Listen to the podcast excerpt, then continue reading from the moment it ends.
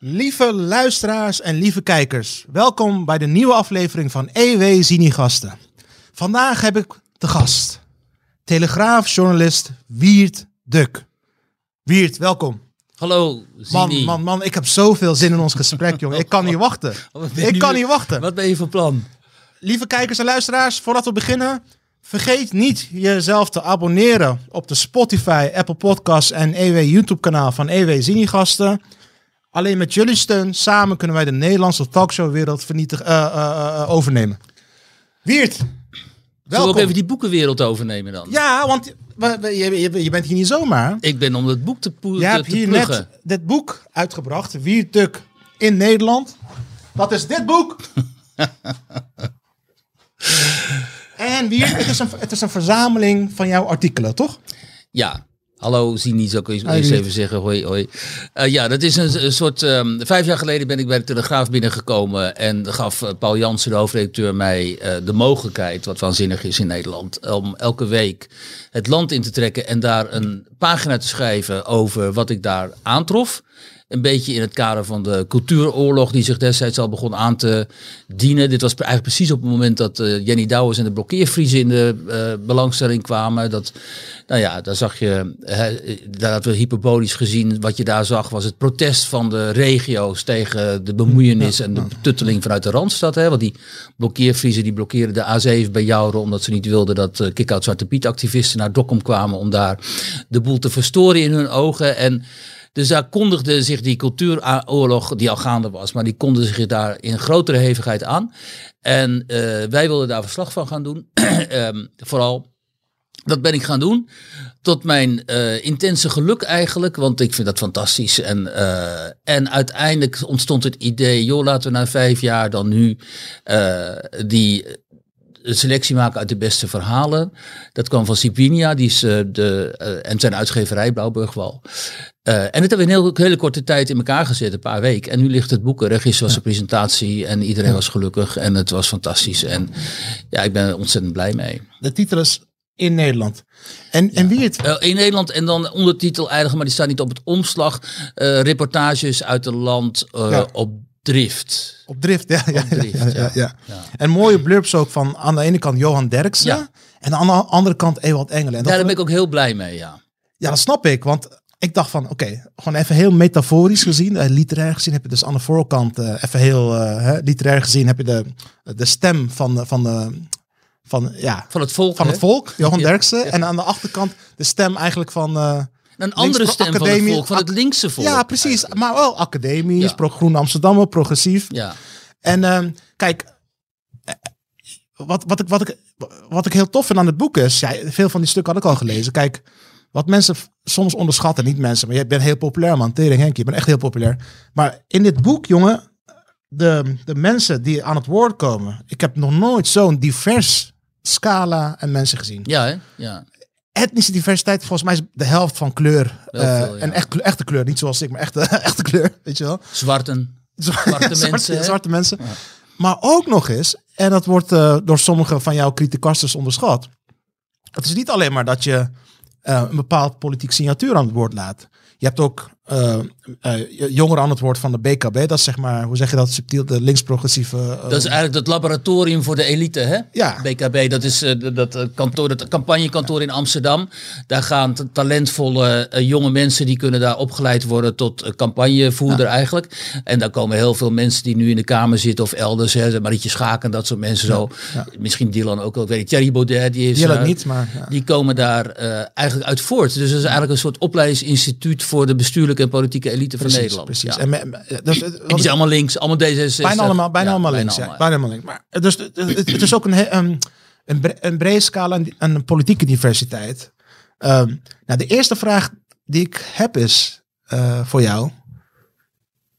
Al die jaren, vijf jaar inmiddels, ga, ga je het land rond.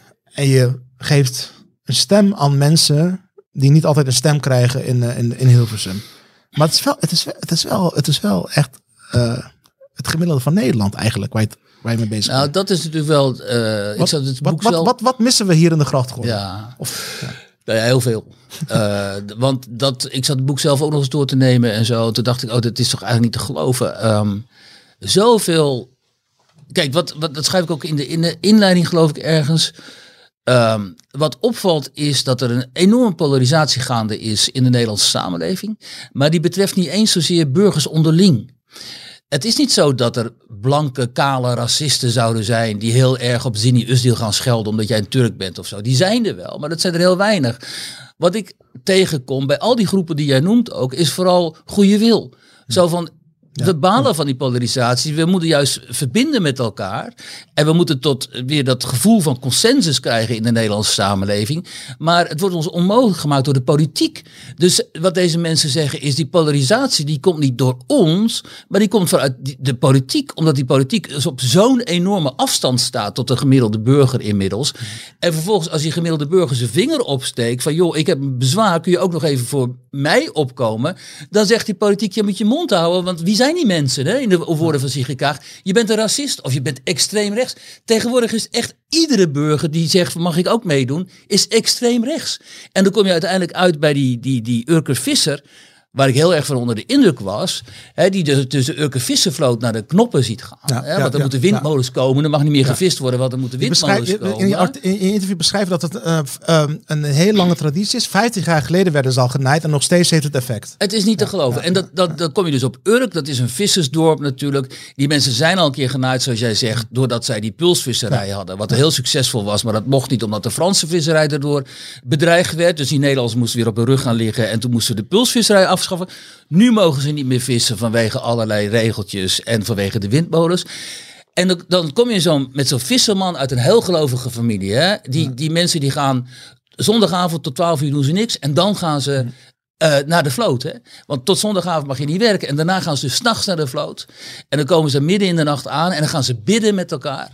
Die bemanning voor een goede vangst. En dan gaan ze dus de zee op. Dus die mensen zijn zo verbonden met hun werk. Met die zee. Met, met, met, met het ambacht en zo.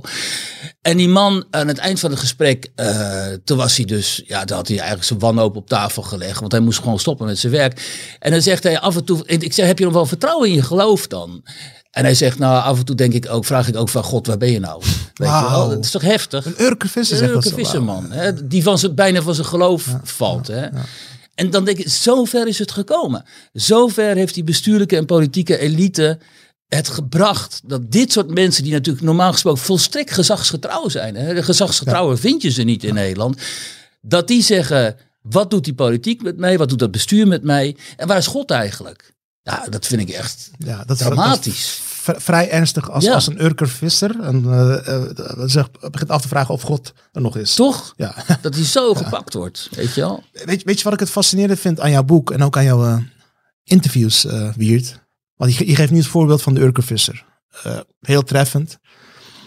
Maar die, datzelfde sentiment beschrijf je heel goed door de mond, door de ogen van mensen die ogenschijnlijk uit heel andere bubbels komen bijvoorbeeld jongeren van kleur in de stad. Oh. Uh, uh, uh, allochtone MKB'ers interviewen. Um, het is een heel... Die staan er net zo in, hè? Nou, dat, nou precies. Dat, dat is mijn volgende nou. vraag aan jou. Van, want ik, even heel... Even advocaat van de duivel. Als je de, de, de zorgen van de Urke Visser letterlijk vertaalt naar de, de, weet ik van de allochtone bakker weet ik wat, die misschien islamitisch is en die misschien, die misschien, die misschien wil dat op vrijdagmiddag in, uh, in, de, in Spangen wel de azaan wordt, keihard wordt omgeroepen. Eh, weet je wel? Ogenschijnlijk staan ze heel, hemelsbreed tegenover elkaar. Maar als ik jouw boek lees, dat is alleen maar ogenschijnlijk. Dus ze, hebben, ze hebben iets gemeenschappelijks. Ze hebben iets gemeenschappelijks, of niet? Tuurlijk, ze hebben met dezelfde problematiek te maken. Ze wonen in hetzelfde land. Ze hebben met dezelfde regelgeving uh, te maken. En ze hebben het vaak hetzelfde gevoel dat die overheid op uh, enorme afstand staat. En eigenlijk meer bezig is met uh, wat Nederland in Europa kan betekenen. Of hoe Nederland zich het beste kan, zeg maar, voegen naar de wensen van Brussel. Dan dat die overheid luistert naar hun. En dat maakt natuurlijk niet uit of die bakker, of dat een islamitische bakker is, of niet. Die heeft met dezelfde regelgeving te maken. En vergeet ook niet uh, dat weet jij ook, in, in de wijken. Bijvoorbeeld op Katendrecht, wat ik goed ken, in Rotterdam. Daar is gewoon een, een uh, allochtone middenklasse ontstaan. En daar heb je tegenwoordig een hele andere problematiek dan vroeger.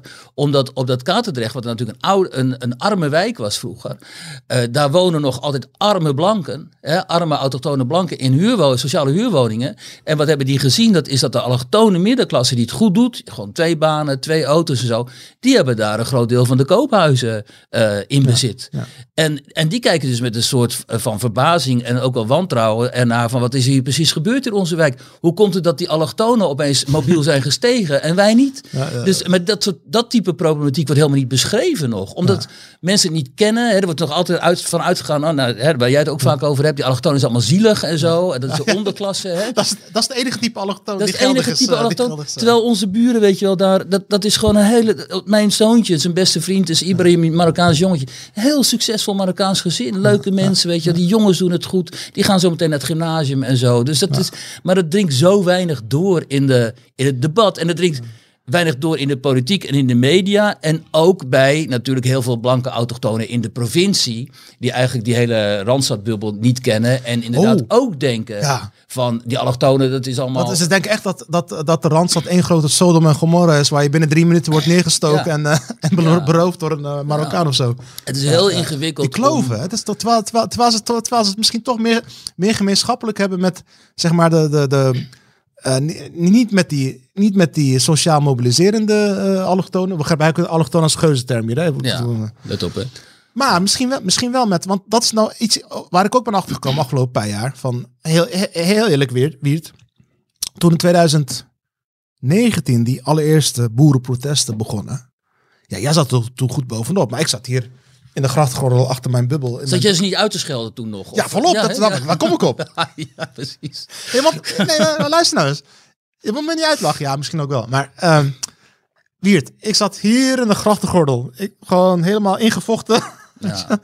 en ik zie gewoon, ik ging niet met die mensen praten. Ik zag op beeld die, die, die FDF uh, doet, provinciehuis binnenrijden. Ja, dat is ook wel heftig, ja. ja, Dus ik zie, ik zie al, die, al die heftige beelden van, ja, ik heb ze allemaal ja, ja, uitgescholden, wil ik niet zeggen, maar ik heb toen benoemd, dacht ik, ja, al die boeren zijn gesubsidieerde ja. agromiljonairs en het zijn terroristen, want ze, ze dreigen met geweld om politieke doelen te behalen. Ik heb ze echt helemaal in NRC helemaal kapot geschreven. En ik, ja. ik meende dat ook echt op, op dat moment. Het was geen, ik, ik dacht, ik, ik vond het gewoon, ik vond het gewoon verschrikkelijk. Maar, Wiert, afgelopen zomer heb ik... Je bent naar Friesland gegaan. Ook trouwens, ook. En daarvoor uh, heb ik via een goede kennis van mij uh, gesproken met, um, moet ik even goed zeggen? Hoe heet, hoe heet de mensen die al generaties in de tuinbouw zitten? Tuinders, toch? Tuinders. Tuinders, ja. ja. En die, waren, die, die zaten ook een beetje in die FTF-hoek. En we hadden een soort van diner pensant-achtig iets. En uh, nou, ik uh, ontmoet ze, ik praat met ze. En ik, ik kom nog een beetje met mijn uh, NRC grachtengordel van... Hey, waar? En toen vertelde ze mij iets. Ik had het niet door. Zeiden ze, Zini, moet je luisteren dit, dit bedrijf hebben wij generaties op generaties. en onze ouders en grootouders hebben al die jaren braaf, gezagsgetrouw, alles gedaan wat de overheid van ons verwacht. En zich helemaal kapot gewerkt. Eerst in, die, in de jaren tachtig was het dus niet stikstof, was er iets anders. Wat zei ze nou? Er was iets anders qua milieu. En dan hebben ze al een bedrijf aangepast. Daarna was er weer iets anders. Ze hebben, al, ze hebben alles gedaan wat er moest. En nu wordt er opeens gezegd, oh, uh, fuck it, jullie moeten helemaal weg. Ja. Dus toen, pas toen viel het kwartje bij mij. En dan kom ik terug op, jou, op jouw werk, waar je al veel eerder van op de hoogte was. Het gaat niet eens zozeer om. Het gaat niet, inderdaad, het gaat Jenny Dawes niet om Zwarte Piet. Zij wil, ook best, zij wil ook best wel van Zwarte Piet af. Uh, het, het, gaat, het gaat al die uh, boeren en tuinders niet per se om stikstof. Het gaat om een onbetrouwbare overheid die ze, die ze minacht, toch? Het gaat om betrouwbare overheid en het gaat vooral ook om uh, hun uh, het recht dat zij claimen om hun eigen cultuur en tradities in stand te houden. En uh, die boeren en die tuinders, uh, natuurlijk is het zo dat er ook hè, dat agro-industriële complex en zo, er zit natuurlijk ook heel veel, heel veel geld, heel veel lobbymacht en zo zit daar. Dat weet ik allemaal wel. Alleen uh, zij vertegenwoordigen ook een cultuurlandschap in Nederland. Wat heel kenmerkend is uh, geweest voor Nederland uh, altijd. Net zoals die Friese daar in Friesland op hun manier ook een heel sterk eigen, ja. eigen identiteit ja. hebben. En op het moment dat die kick-out Zwarte Pieter naar Dokkum kwamen, notabene gevraagd door de PvdA-burgemeester uit Dokkum. Kom, kom hier protesteren. Kom, kom mijn burgersbeschaving brengen. Ik ben niet gekozen, ik ben een ongekozen burgemeester. Serieus, maar Gewaanders. Die heeft letterlijk gezegd, kom dat, kom dat dus Friese ja, jij bent emanciperen. Jij bent erachter gekomen, ik wist dat dus ja, niet. Jenny kwam daar dus zelf achter, want die, die dacht naar dat proces, Jenny Douwes, die klopt iets, die is gaan wobben. Ah, en toen heeft ze dus die noodtoelen gevonden van die gesprekken, ja. Wow. En daarin zegt Waanders gewoon letterlijk van kom in godsnaam naar Friesland, want die mensen hier zijn e- emotioneel nog niet geëmancipeerd. Dit is, is, toch fascinerend, Wiert. Als we een gekozen burgemeester hadden, was dat toch nooit gebeurd? Nee, dat is ook zo. En Weet je, en kijk, je hebt hier te maken met uh, uh, een onderneemster, Jenny Douwes, die succesvol onderneming leidt. Met haar familie, haar vader heeft dat opgezet. Die familie die heeft uh, filantropische activiteiten in Zwart-Afrika, waar ze naartoe gaan. Die ondersteunen daar arme zwarte families. Hè? Ja. Um, die hebben een, een belangrijke stem binnen die gemeenschap. Die, met, die mensen zijn opgeleid. Je hebt er niet met primitieve barbaren te maken. Nou, en dan zeg je tegen Jerry Afri, hè, kom even die Friese hier emotioneel. Eh, emotioneel. Hoe, hoe, hoe kijken die mensen in godsnaam naar, naar hun eigen burgers, joh? Ja, maar dit is. Dat dit, geloof dit, je toch dat, niet? Maar dit is dus de kracht, met, lieve mensen, hier natuurlijk in Nederland. Want dit is dus ook wat, wat ik aan het begin dus ook niet door had. Van, maar ik heb, ook, ik, nou, ik heb ook met Jenny gesproken. En weet je wat ze letterlijk tegen mij zei? Zie die, ik vind het prima om geen Zwarte Piet meer te Maakt er helemaal niks uit natuurlijk. Daar gaat het helemaal Ze wilden die gasten gewoon niet bij die je kinderen in Je wil geen gesubsidieerde grachtengordelbus die jou even komt vertellen wat voor onbeschaafde uh, barbare uh, Neandertaler je bent. potentieel rellen uitlokt. Ja joh. Ja. Dat... Tussen de kinderen die dat dan staan te huilen en, en, en denken, waar, waar is mijn kinderfeest? Hé, hey, maar weer, um, joh, ik wil echt zoveel dingen bespreken met je. Weet je, weet je, wat, weet je wat, waar ik nu ook best wel uh, ja, gefascineerd door ben van Kijk, mensen weten jouw achtergrond niet, ook vaak niet, hè? Kijk, jij en ik kennen elkaar al sinds 2009. Weet je ja, nog? toen interviewde ik jou over de segregatie, segregatie op de universiteit, weet je nog? Ja, toen was ik nog docent op Erasmus. Ja. ja. Toen kwam je, toen kwam... En toen zei jij al van, kijk, in de kantine, uh, alle groepjes zitten bij elkaar. De blanken, de Marokkanen, de anderen. Hè, ze zoeken elkaar allemaal etnisch op. Ja, want toen was het beeld, de Erasmus Universiteit waar ik les gaf, is de meest multiculturele universiteit van Nederland. En jij schreef toen volgens mij... Voor Elsevier schreef ik dat. Ja, voor, ja, voor Elsevier schreef een uh, artikel erover. En toen zei ik van, hier, kom mee, kom naar de En toen zag je die etnische enclaves. Ja. Maar, Wiert. Um, kijk, we gaan nog verder over praten straks. Want al die dingen in jouw boek, in je werk, wat je aan het doen bent. Ik zal eerlijk, ik zal eerlijk zeggen, in Turkije, uh, of in andere landen dan gewoon Turkije, zou jij een icoon van de linkse politiek zijn. ja. Echt waar. jij laat mensen aan het woord. Jij laat um, een, een breed gedragen sentimenten meervoud zien in de samenleving van arbeiders, van um, mensen die in uitkering zitten, van, van de middenklasse, van het MKB. Gewone burgers die uh, door het, ja, ik zal het maar ronduit zeggen dan, door het neoliberalisme steeds Daar meer de op neer. Ja. putten raken. En die op zoek zijn naar een antwoord op de vraag van, hey, hoe, komt hoe komt het nou dat ik gewoon mijn best doe, niks verkeerd doe en alsnog uh, in de shit raak. En al 40 jaar stijgt mijn koopkracht niet. Exact, exact. En de winsten stijgen wel. Dat zeggen ze, let, het staat, Staat letterlijk, letterlijk in. Hoe links, ja. hoe links wil je het hebben? En plus, nu komt die, dat doe je al jarenlang. Jij laat ook zien dat ze dus geen antwoord krijgen van de linkse Nederlandse politiek. En als ze mede daardoor uh, ja, zich aangrijpen om door een Baudet of weet ik veel wat. Gaan ze daar Ze gaan de rechterkant op. En daar waarschuw jij voor. Jij, jij, jij laat hen aan het woord om te waarschuwen daarvoor. En er is iets raars in Nederland. Echt waar. In Turkije was je een held van links, van, van links geweest. ja. Maar in Nederland, omdat je dat doet, word je door links uitgemaakt voor extreem rechts. Wat gaat hier mis? Nou, dat is een heel raar fenomeen. En uh, daar heb ik het vaak met Ewald Engelen over, die dus op de achterflap ja, staat. Blurb. Uh, want Ewald is uh, zo langzamerhand wel een vriend van mij, denk ja. ik. Omdat we het zo eens zijn uh, hierover, over, in de analyse ook. Ewald is toch niet extreem rechts, of wel? nee, ja. Ewald is gewoon een linkse uh, jongen, uh, financieel geograaf, die ook telkens wijst op het feit dat het uiteindelijk probleem natuurlijk klasse is. En dat doe jij overigens ook. Um, En dat, eh, dat hebben we dus decennia lang, uh, sinds de paarse kabinetten en zo, proberen, heeft de politiek en ook de media trouwens, heeft geprobeerd dat te verdoezelen dat er een klassenconflict is in dit land. Uh, want het kwam zo goed uit, er kwam de macht goed uit en er kwam kennelijk ook de media die recruteren uit dezelfde bubbel natuurlijk goed uit. maar uiteindelijk is het probleem terug te voeren op sociaal-economische positie. En daarom gaat het er ook niet om of iemand zwart is of uh, blank of rood of bruin. Het gaat erom in welke sociaal-economische uh, omgeving uh, hij verkeert. Um, en daar, wordt laat, en daar heeft links het natuurlijk enorm laten Links Nederland. Links Nederland. Links Nederland. Maar wat, wat, waarom, waarom juist links? Waar, nou ja, ik denk wat, omdat, wat gaat hier mis in dit land? Nou, ik denk ik omdat nog steeds niet. Omdat als je dit probleem wilt aanspreken, dan moet je ook aanspreken dat er dat, dat die verzorgingsstaat dus onder druk staat. En dat die verzorgingsstaat mede onder druk staat vanwege de immigratie. En dat het zo moet zijn, zoals Jan van der Beek, hè, mensen zoals Jan van der Beek en Jan Latte en zo ook uh, uh, zeggen, dat er een einde moet komen aan die grote toeloop, toestroom van armoede eigenlijk. Kijk, Elsevier heeft ooit, uh, ik meen dat het in de jaren negentig was, dit op de agenda gezet, nog, nog voordat Paul Scheffer dat deed. En dat stuk wat er toen iconisch was, het heette, meen ik, de import van armoede. Oh, wow. Hè? Ja, dat was een goed stuk. Ja. En, Weet je nog wie het had geschreven? Ja, dat, werd, dat was een oud Elsevier collega. Alleen nu ben ik even zijn naam kwijt. Maar iedereen hier bij Elsevier weet wie dat was. Dat is een gewoon iconisch stuk okay. geweest. Uh, en vervolgens zette uh, H.J. Schoo, Hendrik Jan Schoo, die toen hoofdredacteur was, die zette dat heel duidelijk ook uh, op de agenda, waar, waarop vervolgens Elsevier werd beticht ook bruinrechts te zijn. Ja, zo gaat het dan. Zo gaat het dan.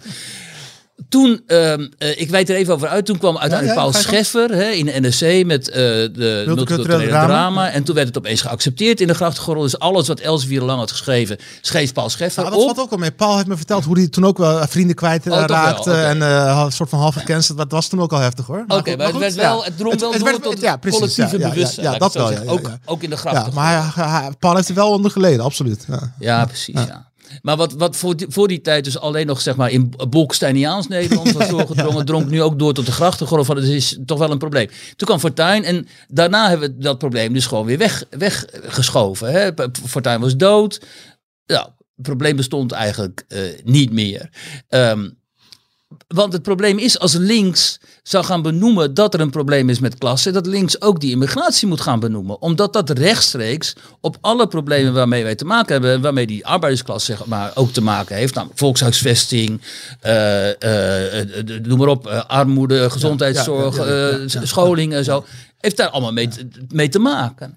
Maar als jij in Nederland zegt van jongens, moeten we niet wat aan die immigratie gaan doen, dan ben je racist. Ja. Dus wat ze liever doen, is niet dit benoemen, maar uh, tegenwoordig uh, huidskleur en ras en zo gaan benoemen. En daar aan, aan, de, aan de rassenstrijd alle problematiek toeschuiven. Want dat is veel makkelijker. En de, de, de witte schuld. De witte schuld dat van is de, van witte schuld. Uh, en maar niet hun witte schuld. De witte schuld van de mensen uh, die al, ook al in de shit zitten, die wit zijn. Nou, dat is dus ja. het, en dat is het perverse hieraan. In plaats van dat je dus zowel die blanke autochtone arbeider als die Turkse of Marokkaanse arbeider, zeg maar, helpt.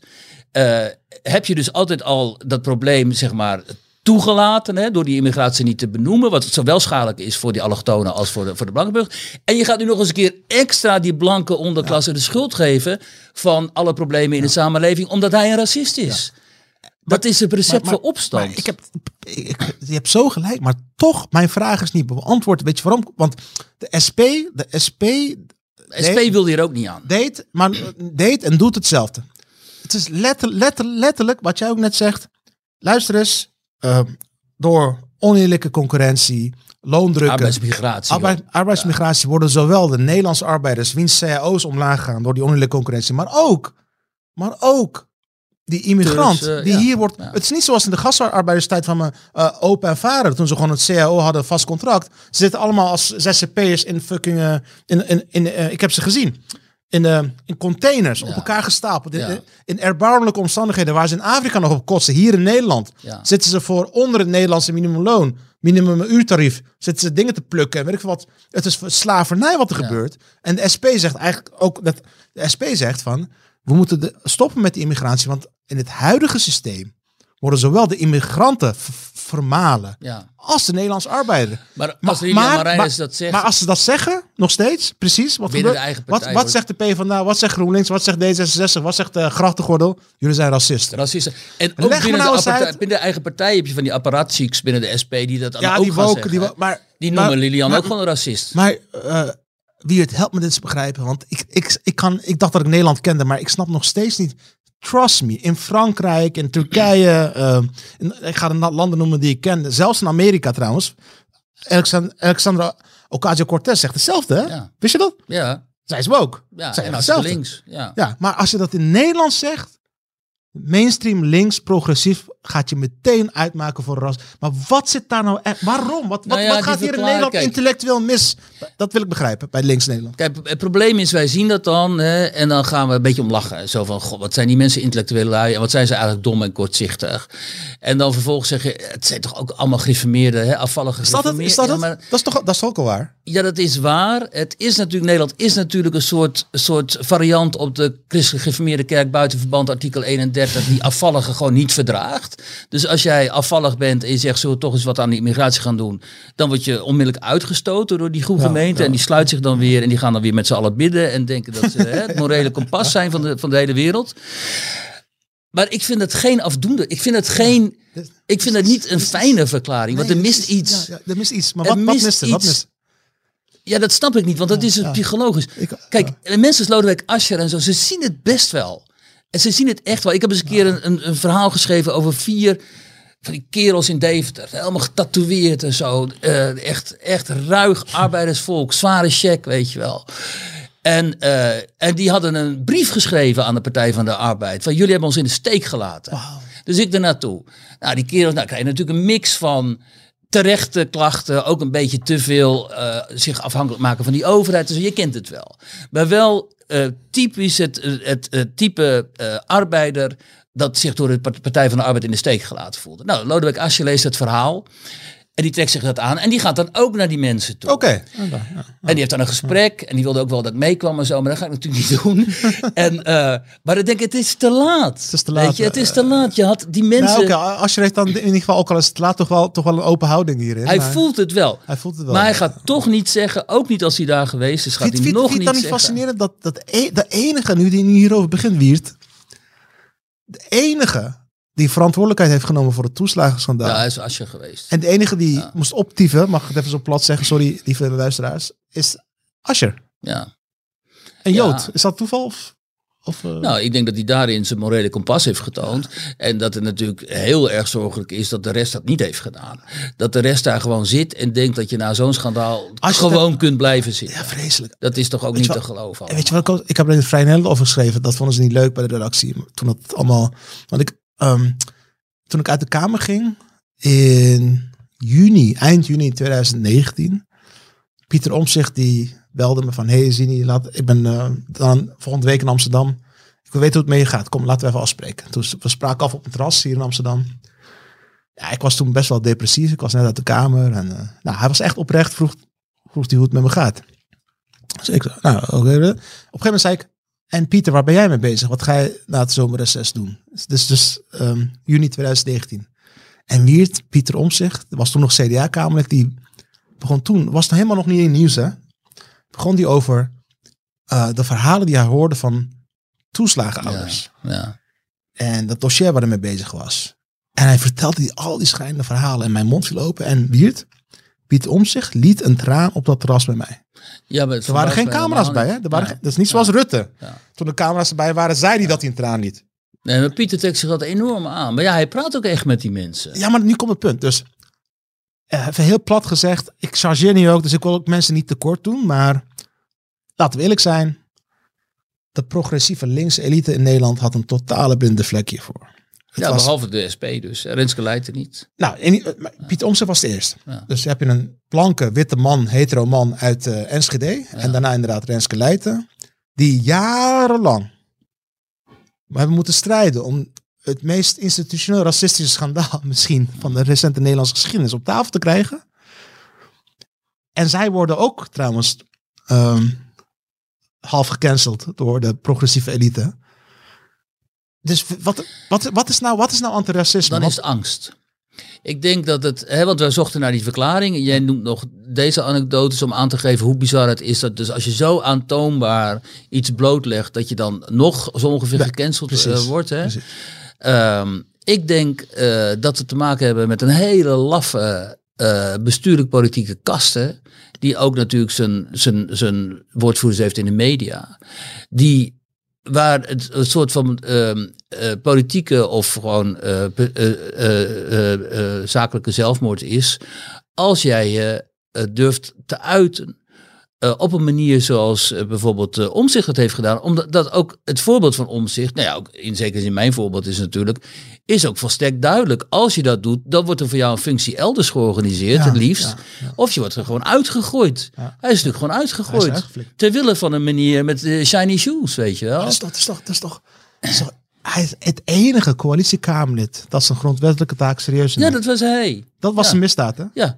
Ja, dat was tenminste. En als je kijkt naar wat er met mij gebeurt, die permanente hetsen tegen mij. Nou, ja. Dat is toch gewoon bizar. Van mensen die ik helemaal niet ken, die ik nooit gesproken heb, die ik nooit heb beledigd of zo. Die de hele tijd maar proberen om mij gecanceld te krijgen bij de hoofdredactie. Maar ze lezen helemaal niet wat je opschrijft. Ze lezen ook totaal of misschien wel, maar ze zijn te dom om te begrijpen. Oké, maar nu, goed dat je hierover begint, want daar wil ik je ook nog even over bevragen, Wiert. Want Wiert, jij bent extreem rechts. Ja, voor hun. Ja. Ik heb nu een extreem rechtse Zini-gasten gast. Ik heb nog net vandaag die een boek heeft geschreven, die, die, een boek heeft geschreven over waar onder andere de allochtone middenklasse en onderklasse mee zit. Maar hij is extreem rechts. Oké. Maar Wiert, laten we even... Oké. Jouw background. ik kom uit Groningen. Ja. Wat mensen misschien ook niet weten is... In de jaar, extreem rechts. In de jaren zeventig zat jij in een punkband in Groningen, ja. ja. Uh, je, je, je, was, je was een kraker. Je, nee, zat, ik was geen kraker. Je zat, je, je zat eierbal... wel in New Wave punkringen. ja, whatever. Ja. Dat was links tuigman. Je zat, je, je zat eierballen te jatten uit de, uit de, uit de automaat van de snackbar. omdat je tegen het kapitalisme was, whatever. Nee, ook niet fout. Uh, anyways, je stapt een plaatje. Je bent als... Echt waar. Nou, weet je... Dit is het meest, een van de meest linkse boeken die ik ooit heb gelezen. Maar waarom ben je extreem rechts in Nederland? Nou, er is iets misgegaan. Kijk, um, wat een heel interessant fenomeen is, vind ik, dat is men, dat mensen van mijn generatie, die dus zeg maar uit die New Wave periode van de jaren 80. Wat is New Wave? Leg dat eens even uit aan de nou jongeren. Ja, ik speelde de New Waves eigenlijk. Je had in de jaren 70, dan kwam die punk en daarna kwam dan die New Wave muziek. Maar dat was niet, hè, dat, de Simple Minds en YouTube hoorden oh, er ook ja, toe. Maar had vooral Echo en de Bunnyman en de Concert. Allemaal van die oh, fantastische is bands. New Wave? Oh, dat okay. is New Wave.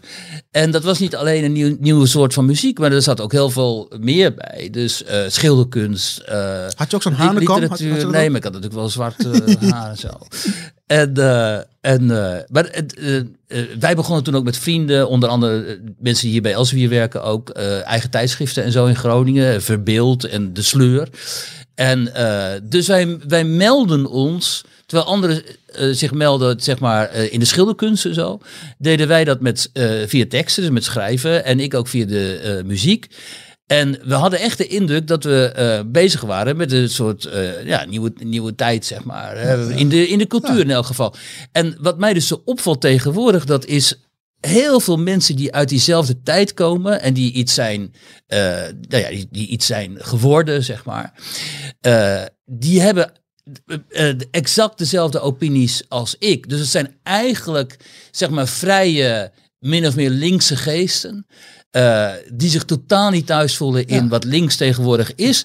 En die uh, vervolgens voor rechtse, als rechts benoemde media ja. Gaan werken. Ewald Engel is ook zo jong, ja. want die hield ook van die muziek. Die loopt nog steeds als een halve nieuwwever uh, nee, maar, door het maar leven. Wie, dit is dus mijn hele fascinatie. Dat is een interessante generatie hoor. Nou nee, ja, het is interessant. Maar het is mijn hele fascinatie. Jullie zijn de linkse voorhoede van dit land. Maar Nederland is het enige land in de wereld waar de linkse voorhoede uit de jaren 70 en 80 nu voor rechts wordt versleten. Echt waar. Ik ken, ik ken de Wiedux van Turkije. Ik ga met ze borrelen als ik daar ben. Ook bekende mensen. Linkse iconen. In, uh, in, in Frankrijk ook hetzelfde. Wij moeten echt, ja, ik weet niet of het nog te Ja, redden maar in valt. de UK bijvoorbeeld zie je dat ook wel. Als je die, die, die Johnny Rotten van de Sex Ja, Pistols precies. bijvoorbeeld, dit Ja. wordt ook als een rechtse jongen gezien. Ja, omdat, dat die, omdat, ja. omdat die zegt van, eh, jongen, eh, jongens kappers met het rare woke en zo. Hè? Die, die Morrissey van de Smiths, meen ik, de zanger. Die heeft zich ook uitgesproken tegen al die eh, woke gekte en zo. Nou, dat wordt ook... Misschien is het een westerse ziekte inderdaad. Misschien is het een... Nou, het is ook misschien een soort van generatieding, maar het is ook heel westers, omdat in Turkije weten ze natuurlijk nog wel heel goed waar ook links voor staat, namelijk ook Oh. antifundamentalisme tegen eh, te veel invloed van religie, is, eh, precies secularisme. Sociaal-economisch socialisme, wat links Ja. in Nederland ook is vergeten Dat trouwens. zijn we ook vergeten. En in Nederland eh, trekt links gewoon het zwaar behoofddoek de dames de kamer ik, in. ik moet eigenlijk niet te veel vertellen over mijn voormalige partij. Ik ben gelukkig geen lid meer, maar Tering... he- deze week, hoe ze het pensioen hebben weggegeven, P vandaag GroenLinks deze week. Nou, ja, goed. Nee, nee, maar die hebben gewoon een moslimzuster in de kamer. Ja, daar gaan we het helemaal niet over hebben. Maar ik heb zelfs de pensioenen, weet je sociaal-economisch... wel even op wijzen. ja, die hebben de pensioenen weggegeven. Deze. En ondertussen faciliteren ze daar fundamentalistische islam. Het gaan- is toch niet... gaan- dit gaan we knippen. Ja, maar dat is toch ook gewoon domheid? Weet je, Nee, denk ik dan. ik, ik, ik weet dus niet. Ik weet dus niet, echt oprecht niet wat het is. En ook niks. Ik wil ook niks persoonlijks maken of wat dan ook. Maar ik, ik ben. Oké, Wiert, volgens mij hebben wij wel iets gemeen. Jij komt uit Groningen, ik kom uit Rotterdam. Maar volgens mij houden wij allebei van dit land. Ik, ik zeker nog, ik vind mezelf wel een van de weinige echte nationalisten van Nederland. Dat meen ik echt. Dat is niet, geen grap of wat dan ook. Ehm, maar laten we even links even, even parkeren. Kijk, dat is wel interessant om dat even die overeenkomst te zien. Omdat ik ben dus, ik ben ouder dan jij en ik, ik kom, mijn ouders... Heel kom- veel ouder. Precies, heel veel. eh, bijna twee keer zo oud. En mijn ouders komen uit de tijd van de wederopbouw. En mijn, ik kom uit een domineesgezin. Dus wij, eh, om de vier, vijf jaar verhuisden wij. Ik ben in Brabant geboren. Toen zijn we naar Zeeland gegaan. Oh. Toen zijn we naar Groningen gegaan. Toen ben ik in Groningen gaan studeren. Bij mijn ouders zijn teruggegaan naar Zeeland. En in al, al die gemeentes hebben zij hun sporen nagelaten. Oh, wauw, dat wist ik niet. Ik dacht dat je En alleen maar in Groningen was. Nee, nee, Ah. zeker niet. En eh, mijn moeder was Friesin, dat speelt ook een belangrijke rol. Friese eh, familie voor een deel. En, ehm, en wat ik gezien heb bij mijn ouders, dat is wat ik ben gaan begrijpen als kind, als zeg maar ook Nederlands-Calvinistische waarden. Dat is dat ze zich heel erg inzetten voor de gemeenschap, voor hun naasten. En dat dat dus ook een enorm effect had. Want tot op hoge leeftijd, tot bijna achter in de tachtig, kregen mijn ouders nog elk jaar met kerst en en nieuw, zoals nu, ladingen kaartjes. Van mensen die ze hadden, van, die ze hadden gedoopt, of die mijn vader had gedoopt. Die ze hadden getrouwd, die ze hadden bijgestaan bij ziekte. Mensen die, waren, hè, die naast hadden verloren en zo. En die waren ze tot steun geweest. En die bleven maar kaartjes sturen. Totdat natuurlijk langzaam ook, ook met de generatie van mijn ouders, uitstierf. Dus het aantal kaartjes werd natuurlijk minder. Maar die bleven komen. En dat was de wederopbouw in de tijd van hè, hard werken, eh, niet te veel pronken, weet je wel. Al die, zeg maar, die Nederlands, wat ik dan beschouw als Nederlands Calvinistische waren, daarmee, daarmee werden eh, wij thuis eh, doordrenkt. En dat vond ik ook, en, en dat was dan ook nog eens een keer in de provincie, zeg maar, in schitterende provincies, ook Zeeland en ook Groningen is natuurlijk een hele mooie provincie. Dus dat was voor mij het beeld van Nederland, een heel, heel krachtig het beeld, dat ook wel door de, door de geschiedschrijving werd eh, ook herkend en erkend en zo. En daar voelde ik mij totaal verwant mee. En toen, eh, en jij hebt hetzelfde natuurlijk gehad Exact. deels. Nou, nou, eh, niet deels, helemaal. Want het is heel goed dat je dit benoemt, eh Wiert. Want dit was ook eh, ehm, de droom, de, echt, de- die ook echt bestond voor al die gastarbeiders van de generatie van mijn ouders en grootouders. Ja. Nou, dan was je dan, nou, ik ben tot mijn achtste ben ik in Brabant opgegroeid. Ehm, in eh, Heusden, vlakbij Wollik, Waalwijk. Want daar had je een eh, fabriek van Jonker Fris. Oh ja, dat Ken je dat zo. nog? Dat was vroeger blikvoedsel. Ja, En mijn vader werkte in die fabriek. ja, ja. En eh, precies zoals jij vertelde, joh, ja, af, ik heb er nog een beetje trauma's van. Het was, het was gereformeerder dan jij had, hè? Elke, elke cent werd twee keer omgedraaid. Ja. Niet één keer zoals bij jullie, maar twee keer. Nou, dat herken ik dus voor allochtone gezinnen. Hè? Heel sterk. uit die ja. tijd. Ja. Ehm, en Sparen, sparen, voor sparen, later. sparen, sparen, niks uitgeven. En echt, ja, niet. Ik kom echt uit de meest erbarmelijk armoede omgeving uit Anatolië. Zeg maar. Van alle ar- armoede die je kent, armer dan wij hadden, bestaat er niet. Mm. En mijn vader, mijn ouders hebben dus op, op deze gereformeerde manier, of hoe je Ja. het ook wil noemen, in Nederland. Zich hebben op kunnen werken. joh, absoluut. Volop. Maar dat is zo raar even tussendoor. Ja. Want bij de generatie van jou, de- dus de, de, de generatie allochtonen, ontmoet ik dus ook altijd zo ontzettend veel liefde voor Nederland eigenlijk. Hè? Jo, en nou dat ja. persona- personaliseren ze dan in, in, in het Koningshuis en zo, weet je wel. En, maar, en dat weten heel veel mensen ook niet. Er is gewoon heel veel dankbaarheid in die generatie. Absoluut. Sterker nog, ik hou van dit land weer. Ik ben een Nederlandse nationalist. En dat zeg ik niet op een PVV-manier of een eh, extreemrechtse manier. Ik zeg dat op een manier. Ja, we nemen heel veel shit van Amerika over weer, maar dit dan net niet. Dat vind ik jammer. Dat inclusieve nationalisme. Ja. Dat je trots mag zijn op de goede dingen van het land. Dat iedereen er toe, toe doet en, eh, en erbij hoort. Ja. Ik, heb, ik, ik, heb, ik ben afgestudeerd op de, ehm, in Michigan op de Arabisch-Amerikanen. Nou, ik ben daar in, wist je dat Dearborn, Michigan, de grootste Amerika Arabische stad in de hele wereld is buiten het Midden-Oosten. Oh ja? En het zijn allemaal moslims, hè? Maar ze hebben allemaal, Allemaal Amerikaanse Amerikanen, vlag en allemaal NRA-members en Republicans, maakt niet uit. Maar nu komt mijn punt. Dat is ook de kracht van jouw boek. En het mooie is, je laat de mensen aan het woord zonder er zelf een heel eh, saaie politieke analyse van te maken. Maar het punt is, denk ik, zowel mensen zoals jouw ouders, als mensen zoals mijn ouders in 2020 in Nederland, ook al werken ze keihard, ook al zijn ze heel spaarzaam, het gaat niet meer lukken. Nee. Het gaat niet meer lukken. Even trouwens nog, jouw ouders eh, en mijn ouders, die hebben de, hun kinderen dezelfde opvoeding gegeven, ook al zijn het verschillende generaties. hè. Precies. Dus mijn, the- mijn theorie is dat heel veel allochtone eh, kinderen die dan eh, zeg maar generatie jonger zijn dan ik, dezelfde jaren 50 opvoeding hebben gekregen als ik heb gehad. En dat herkennen we ook heel sterk Absoluut. in elkaar. En toen, toen, toen, toen werkte het ook. Ja. Uh, Mijn vader was een fabrieksarbeider. Die verdiende weinig geld. Maar het was, in die tijd was het sociale systeem in Nederland op zo'n manier ingericht. Kennelijk. Dat je daarmee niet alleen kon rondkomen. je kon gewoon je gezin onderhouden. Je kon je gezin onderhouden. Mijn moeder was altijd ziek in haar hoofd. Dus die heeft, daar ga ik een andere keer over praten. Maar goed, ehm, ook nog een beetje geld sparen. Want in die tijd waren vliegtickets duur. Dus om, om de twee jaar gingen we naar Turkije in de zomer. Met busje. nee, niet met, met Oh, met vliegtuig. met, Oh, eh. Maar nu, maar dat is nu. Dat, en, Maar dat is nu niet meer Dat wilde je zeggen. ja, dat kan dat- nu niet meer. Ik wil, ik, wil, ik, ik, wil- ik wil jouw analyse daarover horen, horen van de indruk die ik krijg is tegenwoordig niet. Vergeet alleen de, alleen de, alleen de vader. Als ze allebei de ouders werken, Hmm. keihard, middenklassebaan hebben.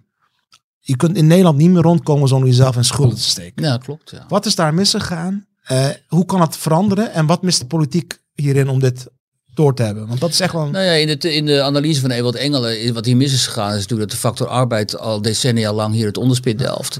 En dat de factor kapitaal eh, ruim baan krijgt. En gefaciliteerd door de politiek, onder andere door het kabinet Rutte. En dat deze mensen, eh, waar we het net over hadden, eh, dat hun koopkracht gewoon ofwel gelijk is gebleven of gedaald. Gedaald, en dat man. is dus Ja. heel, heel atypisch ook binnen Europa. ja, En heel veel mensen weten ja, dat helemaal niet. Nederland is echt een uitschieter in. Dat is toch? gewoon een uitschieter hierin. En dan gaat het CBS, hè, Pietijn van Mullen heet die geloof ik, die CBS, dat, die gaan dan ook nog eens een keer verklaren dat het eigenlijk niet zo is en dat het heel, Ja, heel zit, logisch die, die zit is alleen met zijn neus in de Excelsies. Die Echt. praat niet met mensen zoals jij. Of in, de, in, het, in, het, in het politieke establishment of zo, ik weet het niet. Maar het is gewoon een feit dat die koopkracht gewoon niet voldoende is gestegen, zodat je hier nog als een middenklasse, een normaal, of lagere middenklasse, Die- een normaal bestaan kunt leiden. Deze week was het, deze week het bericht van de onderwijsinspectie dat inmiddels 50% van de basisschoolleerlingen in Nederland de basisschool verlaat zonder 2F. Dat Ja. betekent begrijpend lezen. Begrijp het lezen, Dus, dus, ja. dus de, de, de instructie van de stofzuiger. ja. Kunnen ze niet meer lezen, nee. 50%. Ja, Ja. Maar hoe komt dat? leg, leg jij maar dat maar eens uit. Vroeger was het 15, 20 procent. 20 Ja. jaar geleden. Ik heb, ik heb met de Ja. gebeld om te vragen namelijk. Ja. Nou ja, we hebben gewoon heel veel publieke diensten laten verslonzen natuurlijk. What the fuck? En daaroverheen zijn allemaal hele merkwaardige, utopisch linkse hervormingen gekomen, ook in het onderwijs. Waardoor eh, dat onderwijs wat wij, wij hebben genoten, althans ik zo, sowieso, het stampen uit je hoofd leren en zo. Dat, dat krijgen die kinderen We helemaal hebben, niet nu, we hebben nu leerpleinen. Ja, Weet je wat ze wat is? ja, nou ja, leerpleinen. En als je dus naar de, de- met een docent gaat praten over je kind. Hè, ik heb een zoontje van eh, negen. En je gaat dan eh, zo'n oudergesprek. Dan krijg je allemaal hele rare grafieken met kleurtjes. En dan, gaat, en dan gaan ze zeggen, nou je zoontje staat ergens daar in het rode vlak of ergens daar. Gewoon, denk, dit gaat toch niet over mijn zoon? Waar gaat dit over, weet je wel? Dit, is- dit is niet hoe, ik- hoe ik de basisschool heb gehad. Vroeger nee, een nee. rapport. Ja, je had een rapport. Ja, Ja, en, je, en, en, en je deed gewoon je best. En je had één keer een toets, in de groep 8 cito toets, maar dat was niet alles. Het ging echt om... om, om eh, je, je, zat- je, zat, je zat naast elkaar. Je, hebt, je, had, je, had je, je, had je, je had je taal van je stoel. Je zat naast elkaar zo. En je had, daar had je de meester. En Ja. ging je luisteren. En er was... Ik zat toen op een arme basisschool, openbare basisschool in Rotterdam. We waren misschien met 10, 15 kinderen in klas. De meester was streng. En nu hebben ze leerpleinen, Wiert. Dan heb je dus 50 kinderen die in aparte tafeltjes Ja. daar zitten met een iPad. ga je iets doen met elkaar. En dan af en toe loopt er iemand langs. Ja. Ja, maar ik, sorry, ik, vind het, ik vind het echt. Ik, ik, ik, moet, ik krijg tranen in mijn ogen van. Wat, oké, laat ik het zo vragen. Wie, wie, wie jij, jij zit met je neus bovenop deze dingen. Wat voor land gaan we krijgen over 20, 30 jaar? Als het zo doorgaat. Nou ja, kijk, eh, als het zo doorgaat. ehm, kijk, voor mij leven we af en toe sowieso wel in een soort van dystopie. Hè? ja, maar serieus. is al te laat. Als je die waanzin ziet over dat tegenwoordig elke man zich vrouw mag noemen en zo. Ja. En als Daar vrouw, gaat het, daar gaat het wel over. Over dit soort dingen gaat het niet. Maar hier gaat het wel Daar over. gaat het dus. En, en, en dat het dan gefaciliteerd wordt. En eh, ja, en, Wat, wat zijn jouw pronouns trouwens? Ja, ja de, de, de- zij hen. Ehm, nee, maar kijk, ehm, als wij ons niet met de, met de concrete problemen gaan bezighouden. En ook op een zorgvuldige, nauwkeurige manier. En niet op zo'n slordige, luie manier, kennelijk, zoals dat de afgelopen decennia gebeurd is vaak. En als wij niet eh, de publieke ruimte fatsoeneren en het publieke debat. En als wij er niet voor zorgen dat publieke diensten weer gaan functioneren op een fatsoenlijke manier. En dat de overheid er is voor zijn burgers en voor zijn, wat jij zegt, voor zijn Nederlandse burgers en niet voor burgers elders. En Nederlandse burgers is inclusief mensen zoals ik. Ja, natuurlijk. Hè? Dat, zijn alle Nederlanders die leven hier. zon, zodat die Nederlandse burger niet de hele tijd met zijn vinger omhoog doet staan en zeggen: En ik dan? Hè? Eh, al die mensen die wachten op woonruimte voor hun kinderen. En die kinderen die thuis moeten blijven wonen, omdat die sociale huurwoningen naar status En houden. straks de, de helft van de kinderen die niet eens meer begrijpen kunnen lezen en schrijven, die worden straks volwassen. Ja. De helft van, de, van het land. Ja, wat, Wat wat, voor land hebben we dan?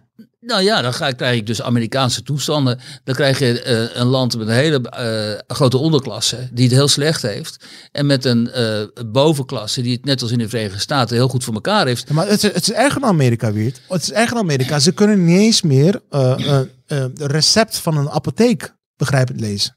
Ja. Nou ja, kijk.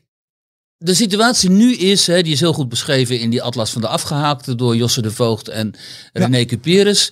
Je hebt dus te maken met een, eh, met een eh, eh, elite, dat is zo, een bestuurlijke politieke kasten die ook vooral in, in cultuur en in media gewoon het voor het zeggen heeft. Dat zijn de mensen die stemmen op VVD, D66, dat soort GroenLinks, dat soort partijen.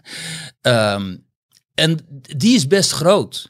Hè, die bubbel is zo groot. Ik dat weet echt waar? Nee, volgens ja, mij staat dat het want dan minderheid. heb je dus minderheid, nou, heb je- ja, zeker. Daar heb je over de randstedelijke elite, maar ook gewoon in de, in de grote steden, in de, in de periferie natuurlijk, Groningen, Nijmegen, noem maar op. En zo, daar zitten ze ook eh, met hun aanverwanten. En die is, die is, is blijkt uit het onderzoek van eh, René en Josse, die staat volstrekt perifeer. Die bevindt zich ergens, want deze mensen zijn dus tevreden met hun eigen leven en tevreden met de koers van Nederland. En als je dat dan uitzet in een grafiek, bevinden ze zich echt ergens rechts bovenin. En de rest van Nederland zit ergens in het midden Ja, en ja, links. ja, dus dat is een soort maan. Dan heb je hier dus de planeet, dat de planeet. Nederland en heb je daar een Oh, maan en daar zitten zij zich met elkaar. Heb, heb jij dat metafoor verzonnen van die maan? ja, die verzin ik hier nu ter die, plekke. die ga ik jatten. ja, die is wel. Die en, die, en vanaf die maan. Halve maan. Half. Ja, nou ja, dan wacht even. En daar, daar bevinden zij zich met elkaar. En ze zijn enorm tevreden. Want ze zijn welvarend, het gaat goed, ze wonen in mooie huizen. ze Kom maar met die leerpleinen. Wij, wij, met wij die- kunnen toch, wij kunnen toch extra eh, cursussen betalen voor onze Ze kinderen. hebben geen last hè, van al die ellende die, waar die mensen in de wijken last van hebben. En vanaf die maan kijken ze dan een beetje naar die planeet. En dan zeggen ze, Allah graag, wie zijn die mensen eigenlijk? Ja, oké.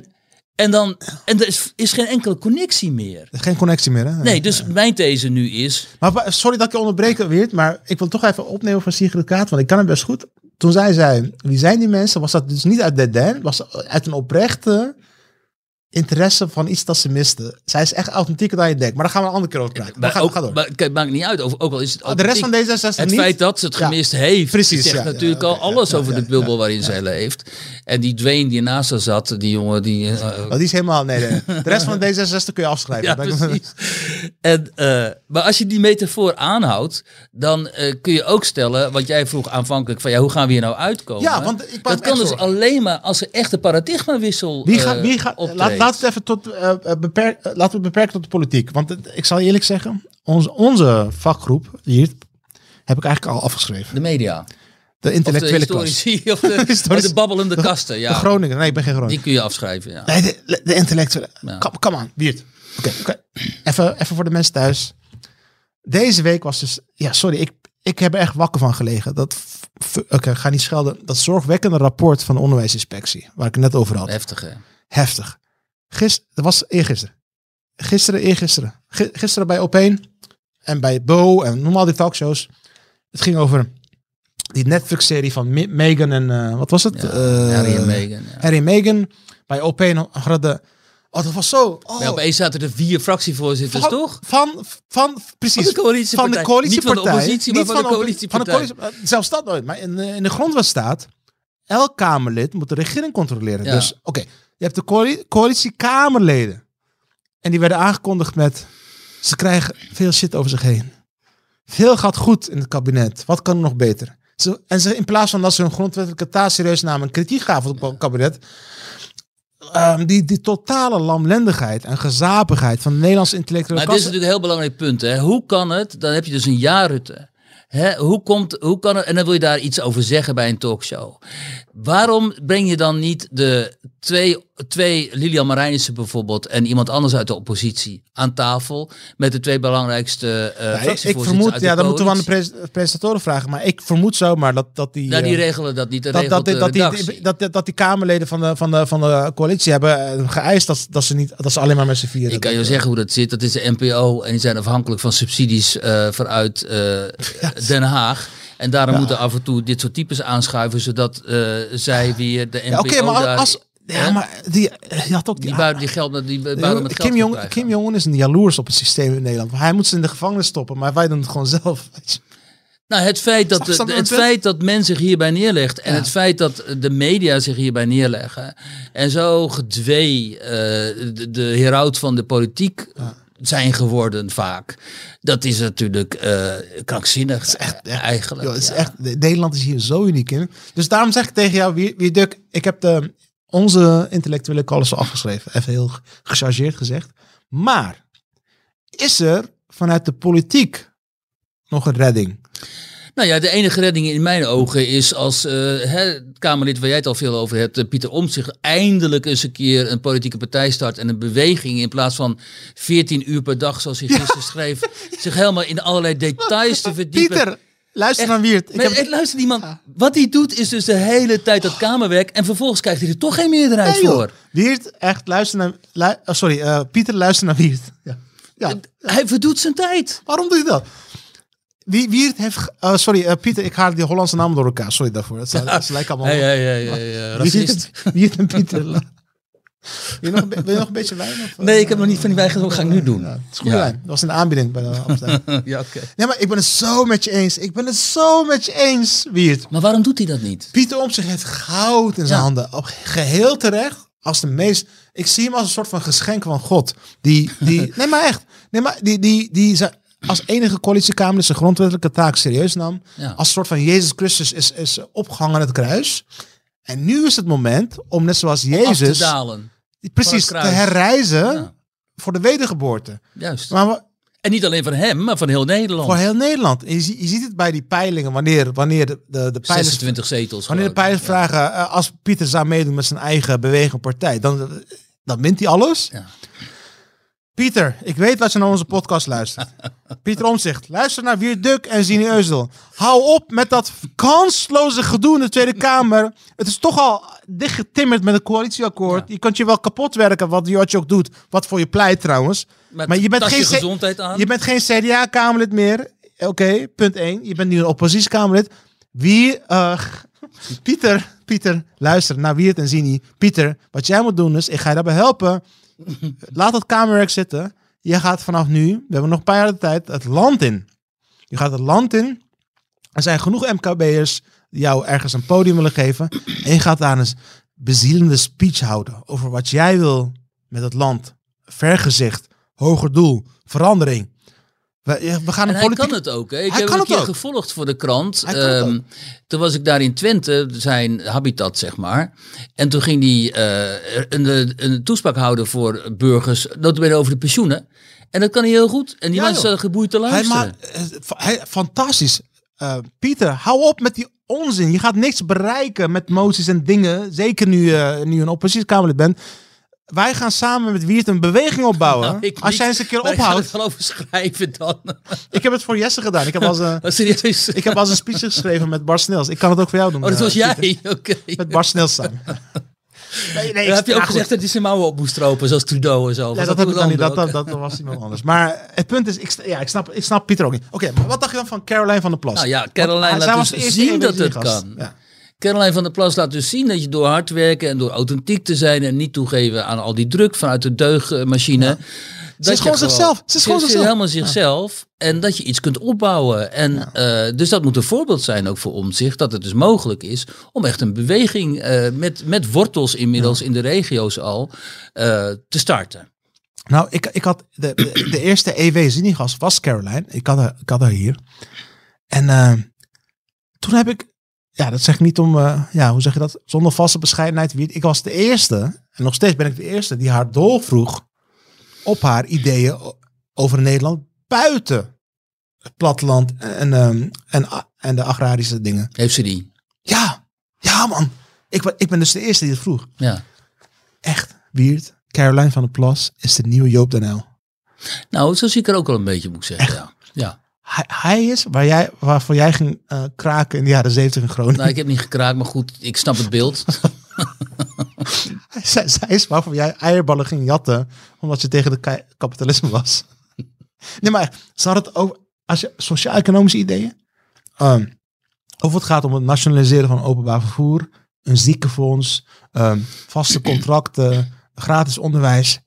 Sorry, dit is wat ik heb al die jaren heb naar verlangd vanuit links Nederland, is Caroline.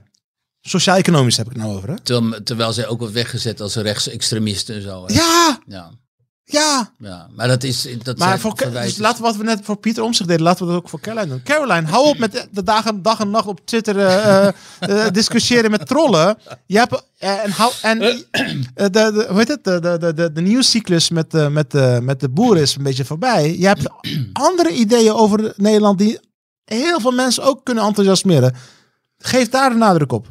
Nou ja, kijk, uh, hoe grappig zou het zijn dat uh, wanneer Nederland een eerste vrouwelijke premier zou krijgen en het is niet Sigrid Kaag, maar Caroline van der Plas met de leren jack. En die gaat naar Brussel. premier van der Plas. Dat zou toch fantastisch zijn? Het kabinet Caroline 1. dat zou toch hilarisch zijn. en moet je dan de, de, kijken hoe iedereen beteuterd oh, staat te kijken. ja. Oh, de grachtengordel gaat dan die echt in, de psychose raken. Die gaat, nee, die gaat, ja precies, die gaat helemaal... Ja, niet naar Hongarije. oh, nou, tot, tot slot, laten we daar nog eens over praten. Het gaat, het gaat dan misschien niet direct met je boek te maken. Maar Wiert, weet je waarom ik ook nog een fan van je ben? Want ik volg je al sinds dat we elkaar leren kennen in 2009. Jij hebt in Rusland gewoond. Toch? Ja, tien jaar. Tien jaar. Ja. Die spreekt ook een beetje Russisch. Nou, goed, redelijk goed, ja. Nou, uh, dat is nog iets... Ja, eigenlijk hetzelfde waar we het net over hadden. Maar nu gaat het over geopolitiek als een van de weinige mensen in Nederland heb jij jarenlang profetisch gewaarschuwd wat er ging gebeuren dit jaar. Niet omdat je pro-Poetin bent, in tegendeel, je bent keihard anti-Poetin. Je de meest kritische Poetin-criticus ben jij. Ik maar heb, uh, ik, heb in, ik was in Tsjetsjenië in Grozny toen Poetin dat hele land liet platgooien. Hè? Ja, en toen begreep ik al waar hij toe in staat is. Heb je voor Heb ik toen hier voor Elsevier nog een Anne Vondelingprijs mee gewonnen met die reportages. Je hebt de Anne Vondelingprijs gewonnen met jouw Poetin-kritiek. Ja. ja, eigenlijk wel. Ja, daar komt op neer. Daar komt op neer. Ja. Wiert. En, en je hebt al die jaren gewaarschuwd van luister eens, we hebben hier te maken met een... Uh, hij is geen dictator, hij is gekozen, maar hij heeft wel een autocraat. En hij heeft atoomwapens. En Rusland heeft, los van Poetin, een hele geopolitieke geschiedenis als grootmacht met een bepaalde geopolitieke domein. Of je het nou leuk vindt of niet. Net zoals Amerika dat heeft. En China. hun invloedssfeer. Ja, of je het nou mee eens bent of niet. En daar zijn ze serieus over. Dus pas op wat je daar doet in Oekraïne. Want dat kan, dat kan de hele wereld destabiliseren. Het is niet omdat je met Poetin eens bent. Integendeel, je haat Poetin. Maar dat je hiervoor waarschuwt, maakt jou een Poetin-versteer. Wat de fuck is er mis met de Nederlandse intellectuele cultuur, man? Ik, sorry, het is echt verschrikkelijk. Nou, ik vind het wel leuk om daar even over te hebben, ja. Omdat, uh, ik geef jou hierin helemaal gelijk. Het is echt... Het is vreselijk, Het is echt heel raar. En eigenlijk verschrikkelijk inderdaad. Dat met name ook uit de linkse hoek, die destijds hè, in, de jaren dat ik volwassen werd, uh, heel uh, Amerika kritisch was. Dat daar uh, dit geluid, deze analyse wordt gedemoniseerd. En hoe ziet die analyse eruit? heel simpel toen eh, Vladimir Poetin aan de macht kwam, toen volgde hij Boris Yeltsin op, die van Rusland, die Rusland achterliet als een land dat totaal in chaos verkeert. De levensverwachting ging met bijna 20 jaar achteruit onder Yeltsin. Niet normaal. Toen ik daar woonde, mensen waren straat en straatarm en de, alle rijkdommen in Rusland, de grondstoffen, de industrie en zo, die werden gewoon geroofd door die oligarchen. Hè? Waarvan nu eentje, Michail Godorkovsky, die heb ik van deze zomer ook nog gesproken. Hm. Dat was destijds natuurlijk gewoon eigenlijk een maffiabaas. En die geldt nu als een van de uh, eminente woordvoerders van de Russische oppositie. Uh, onze Dirk Sauer is daar schatrijk geworden in die oh, chaos. En ook onder Poetin. Ja, die is er zwaar binnengelopen. En Dirk geldt nu als een uh, een Poetin-criticus. Terwijl hij dankzij dat systeem ook zo oh. ontzettend rijk is geworden. Wat zagen we? Wat trof ja, Poetin daar maar jij bent de Poetin. Jij bent de Poetin. Oké, ja, precies. Ja. Nou, wat, wat trof die Poetin daar aan? Die, wat, wat, daar gebeurde was dus eigenlijk een koep door de KGB. Het enige instituut dat nog functioneerde uh, was de KGB. De FSB heet dat nu. En die hadden zoiets van, dit kan niet. Dit land gaat helemaal naar de knoppen. Uh, wij, moeten, wij zijn het zwaard en schild van de Sovjet-Unie geweest. Wij gaan, nu ook dat van, uh, wij gaan nu ook Rusland weer op zijn benen zetten. En we plaatsen die Poetin, die, die, die die plaatsen wij daar als uh, leider. Uh, dat gebeurde. Hij pakte Tsjetsjenië aan. Ik liep daar rond in bommen die vlogen alle kanten op. Echt, zat, zat je echt in die oorlog? Wat zeg je? Zat je echt in die oorlog ook? Ja, zeker. Twee oorlogen. Hè? Wat en, en, en, dat is ook interessant om te melden. Wat er gebeurde in Rusland destijds was. Uh, die, het land was zo in chaos dat die Tsjetsjense rebellen die hadden zich verspreid eigenlijk over de Caucasus. En die dreigen daar een emiraat te vestigen met ook hè, met Arabische invloeden. Zaten ook gewoon Arabieren zaten daar. Hè. Al die jihadisten. Opeens hadden allemaal zo'n baat. Ze waren allemaal jihadist. En de sharia gold daar in Oeros Martan en zo. Dat, in van, die, van dat soort kleine stadjes en zo. En dat, dat, dat, moet je natuurlijk niet doen met Kremlin. uh, uh, nee, dat, dat kan niet, want het dreigt helemaal over te naar, ook naar Centraal-Azië en zo. En wat ze toen hebben gedaan, de FSB, dat zijn die, uh, ze hebben toen die bomaanslagen op appartementencomplexen geanceneerd. Toen in Moskou en elders ontplofte toen bommen in appartementencomplexen. Bestland en zo was dat toch? Of niet? Nee, dat of was niet Bestland. Oh. Dit waren uh, echt in Moskou en ik, ik weet niet meer, en elders uh, ontplofte bommen. Uh, appartementcomplexen stortten in, heel veel doden.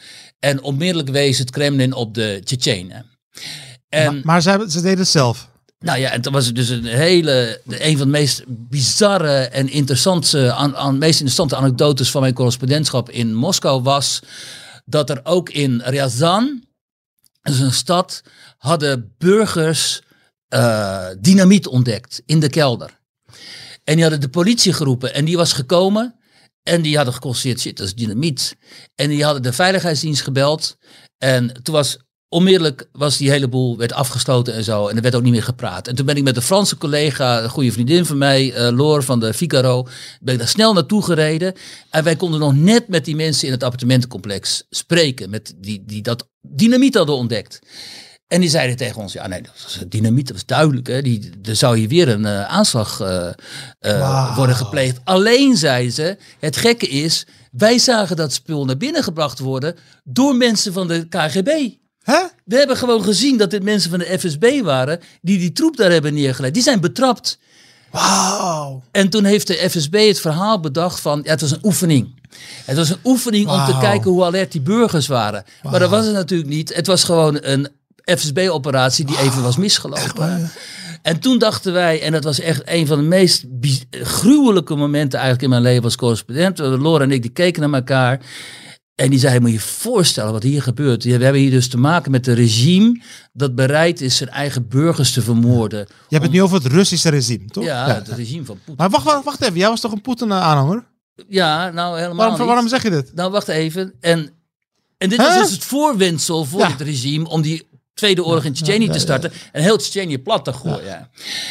Maar goed, dat probleem was toen opgelost voor het Kremlin. En toen, toen kwam er een andere Poetin zeg maar, naar voren.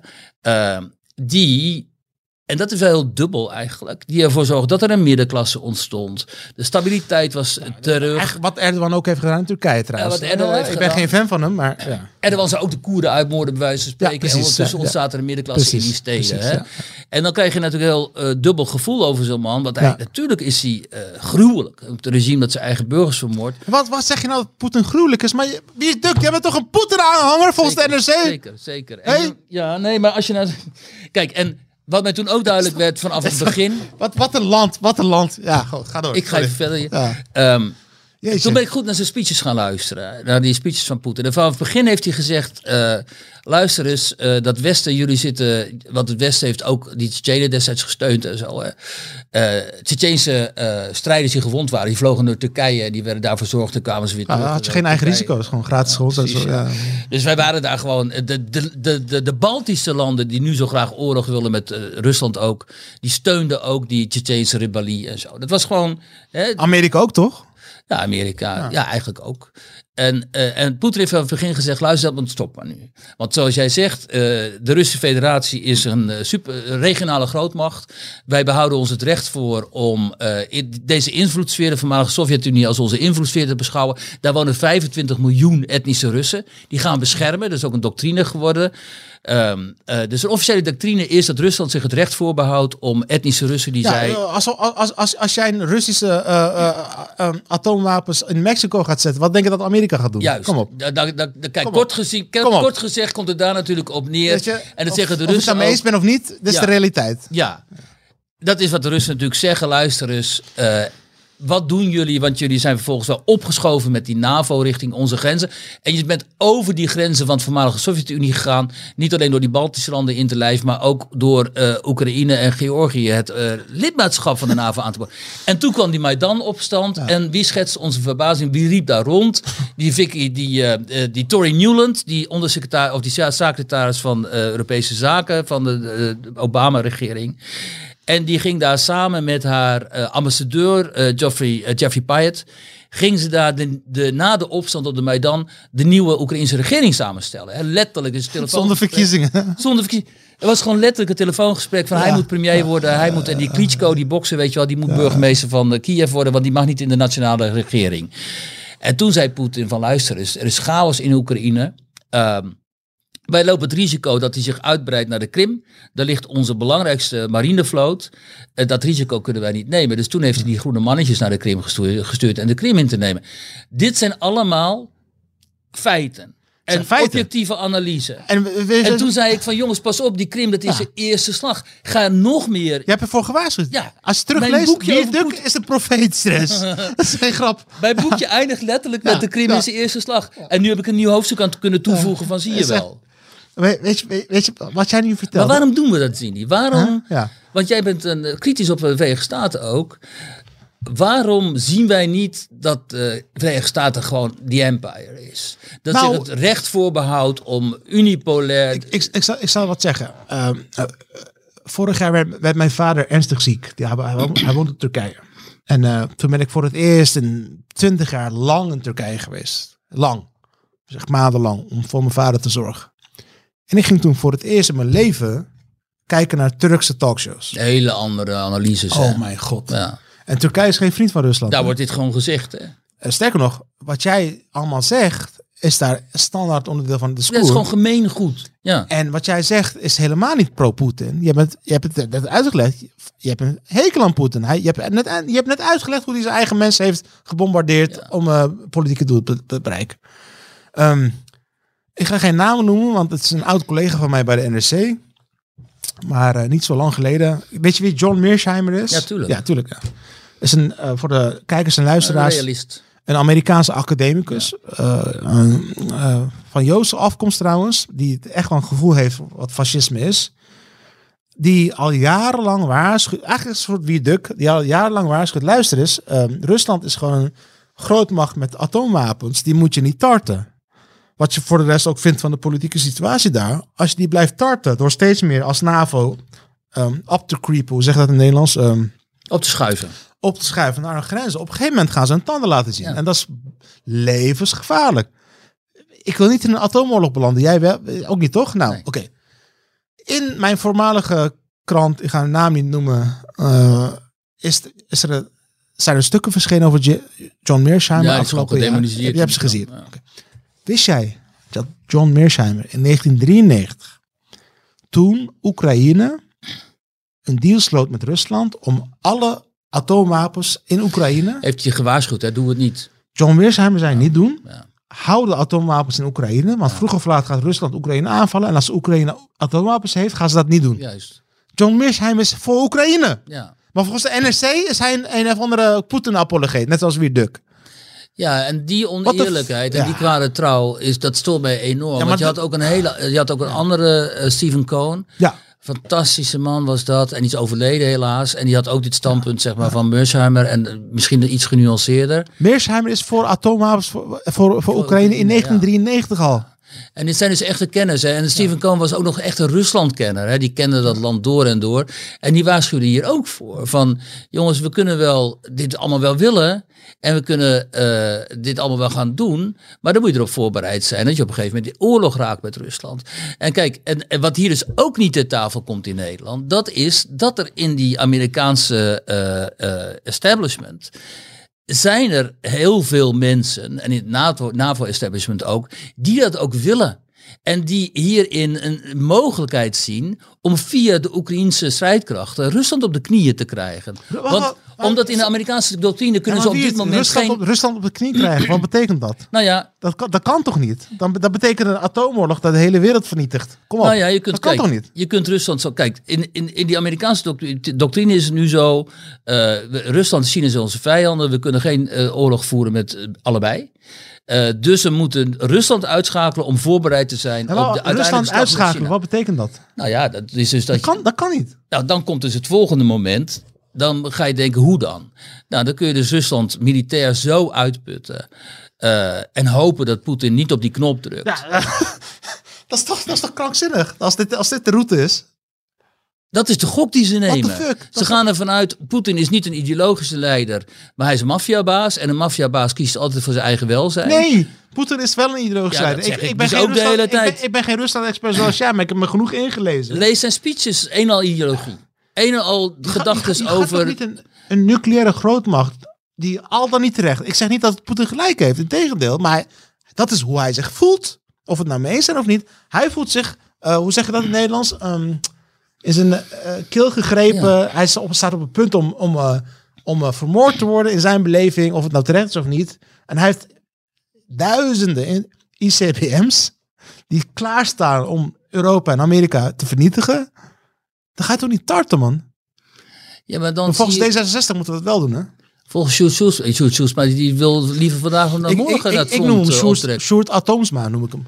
Inmiddels mag je hem wel zo. Nou, maar, maar het is toch een hele interessante constatering hoe kan het zijn dus dat je dus... Uh, want dit is allemaal... Uh, dit is allemaal psychologie en uh, morele positie. Hè? Kijk, het is nu zo dat als je wil laten zien dat jij dus deugt, dus dat je wil virtue signalen, dan ben je dus, uh, je bent voor immigratie, al die shit en zo. En je bent ook heel erg voor Oekraïne. Dat is, je, wil, je, wil, je, wil een, je wil een, dat heb ik van jou gehad trouwens, je wil een, um, een mushroom cloud boven Amsterdam.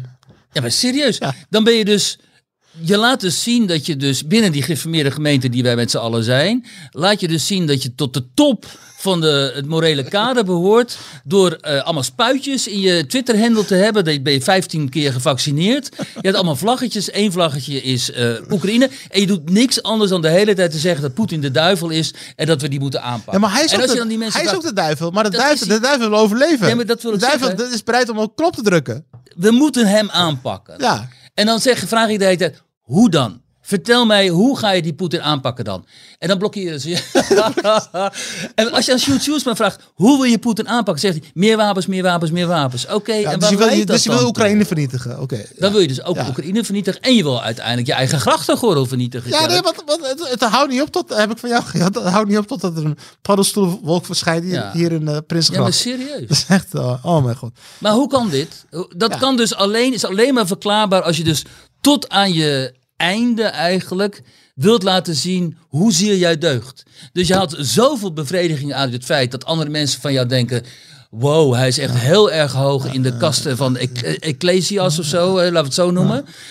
In plaats van dat je als een realist gaat kijken en denkt, jongens, we spelen hier echt met vuur. Weet je, daar, daar, misschien is dat nog een reden om Nederland helemaal links te laten liggen. Want ik, ik, ik, ik verdiep me de ik ben, ik ben niet zo lang hiermee bezig als jij natuurlijk. Jij al 30 jaar lang met Rusland bezig. Maar sinds die oorlog ben ik er ook mee bezig.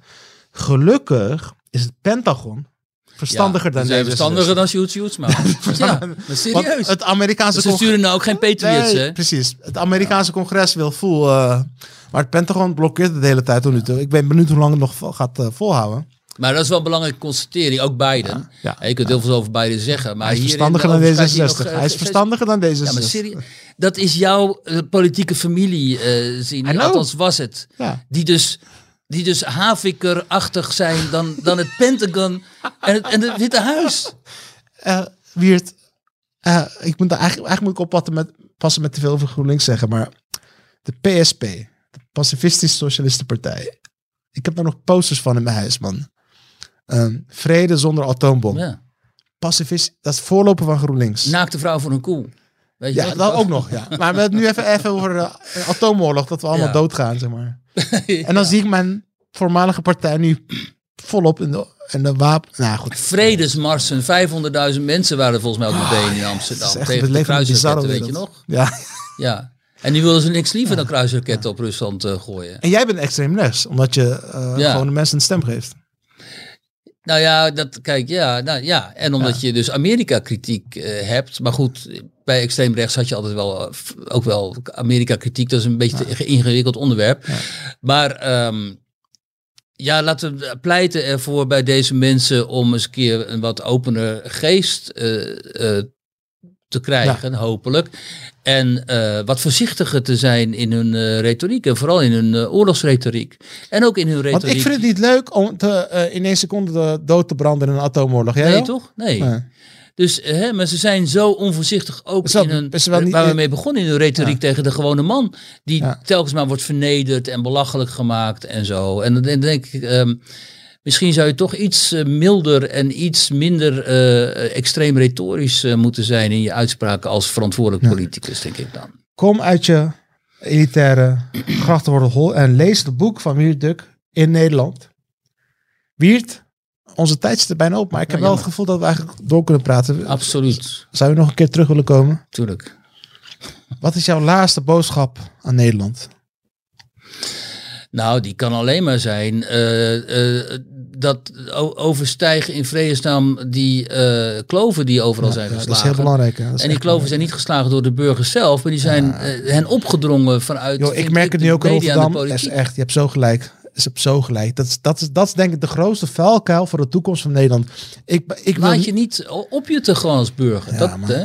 Ik, ik, ik wil niet, maar dat is mijn grootste angst, dat we over twintig jaar eindigen in een land waar inderdaad minstens de helft van de mensen niet fatsoenlijk kan lezen en schrijven, die als ze geluk hebben uh, uh, pakketbezorgd kunnen worden voor Uber Eats. ZZP-baantje. ZZP-baantje. We worden een soort van uh, dependance van Chinese techbedrijven hier. de haven is opgekocht door China. En we hebben een soort dystopische derde wereldland dat moeten we niet willen. Nederland heeft te veel waardevolle dingen om voor te strijden. Ja, en al die mensen inderdaad over wie ik nu zeg van joh, uh, laat je niet verdelen. Uh, hopelijk realiseren die zich ook uh, wat Nederland hen te bieden heeft. En grijpen ze terug op die normen en waarden waarmee wij zijn groot geworden. Exact. Het, is, het is juist antiracistisch, inclusief en woke om voor de Nederlandse volksgemeenschap op te komen en je af te keren tegen dingen die ons verdelen. Ja, dat vind ik ook. Dat is nog een reden om dit boek te lezen. Die term volksgemeenschap is heel precair, maar ik ben het wel met je eens. Nou, sterker nog, in 1958 uh, stond het in het partijprogramma van de PSP. Volksgemeenschap. Oh, nou, Volksgemeenschap. Nou. Ja, dus sorry. Ja. Wiert, Dank je, Zini. dankjewel jongen. Dankjewel, Het was echt man. een goed gesprek. Dankjewel, heel fijn.